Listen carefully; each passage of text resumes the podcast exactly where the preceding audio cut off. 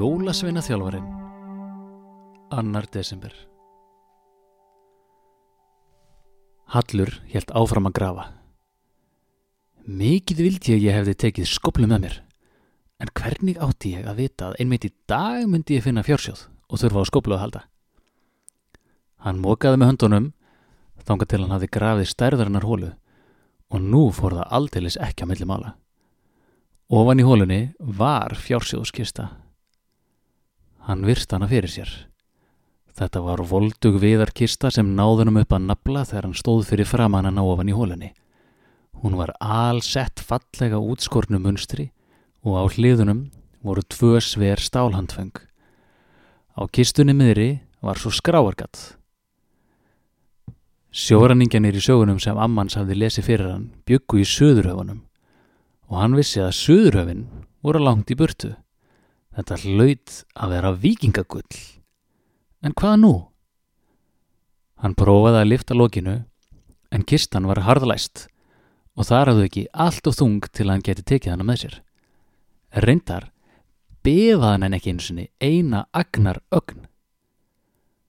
Hann leiti kringum sig í vonum að hann kemi auða á líkil líkjandi einhverstaðar hann í sandinum. En auðvitað var hefnir ekki með honum. Nú voru góður á dýr. Hvað var nú til bræðs að taka? Hallur reyndi að lifta lokinu á nárangurs nokkurum sinnum í viðbútt. Hann gæti svo sem hlaupið heim á ömmubæ og fundi sér verkfæri til að brjóta kistunu upp. En eftir ferðin á þjóðmínasafnið með skólanum þá um veturinn hafði hann komist að því að svona gamlar kistur gáttu verið alveg jafn verðmætar og það sem var inn í þeim og ekki vilt hann eidilegja þannig dýrgrip. Hvað ef það væri svo heldur ekkit í kistunni? Þá væri hann búin að eidilegja svona fallega kistu til einskis. Hvaða vittlisa? Hún er tróðufull af gulli. Gullið hans. Fjársjóðurinn hans. Það mæti engin annar vita á honum. Fyrst hann gat korki opna kistuna nýja liftinni, bara á hallur á það ráð að grafa kistuna aftur og lagði svo vel á minnið hvar hún væri að hann verkjaði í hausinn.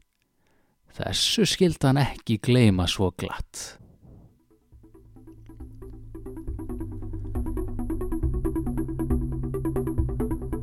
Fluttur var annar kapli jóladagatalsins um jólasveinaþjálfaran eftir Egil Haldursson. Þykist útverfið 2021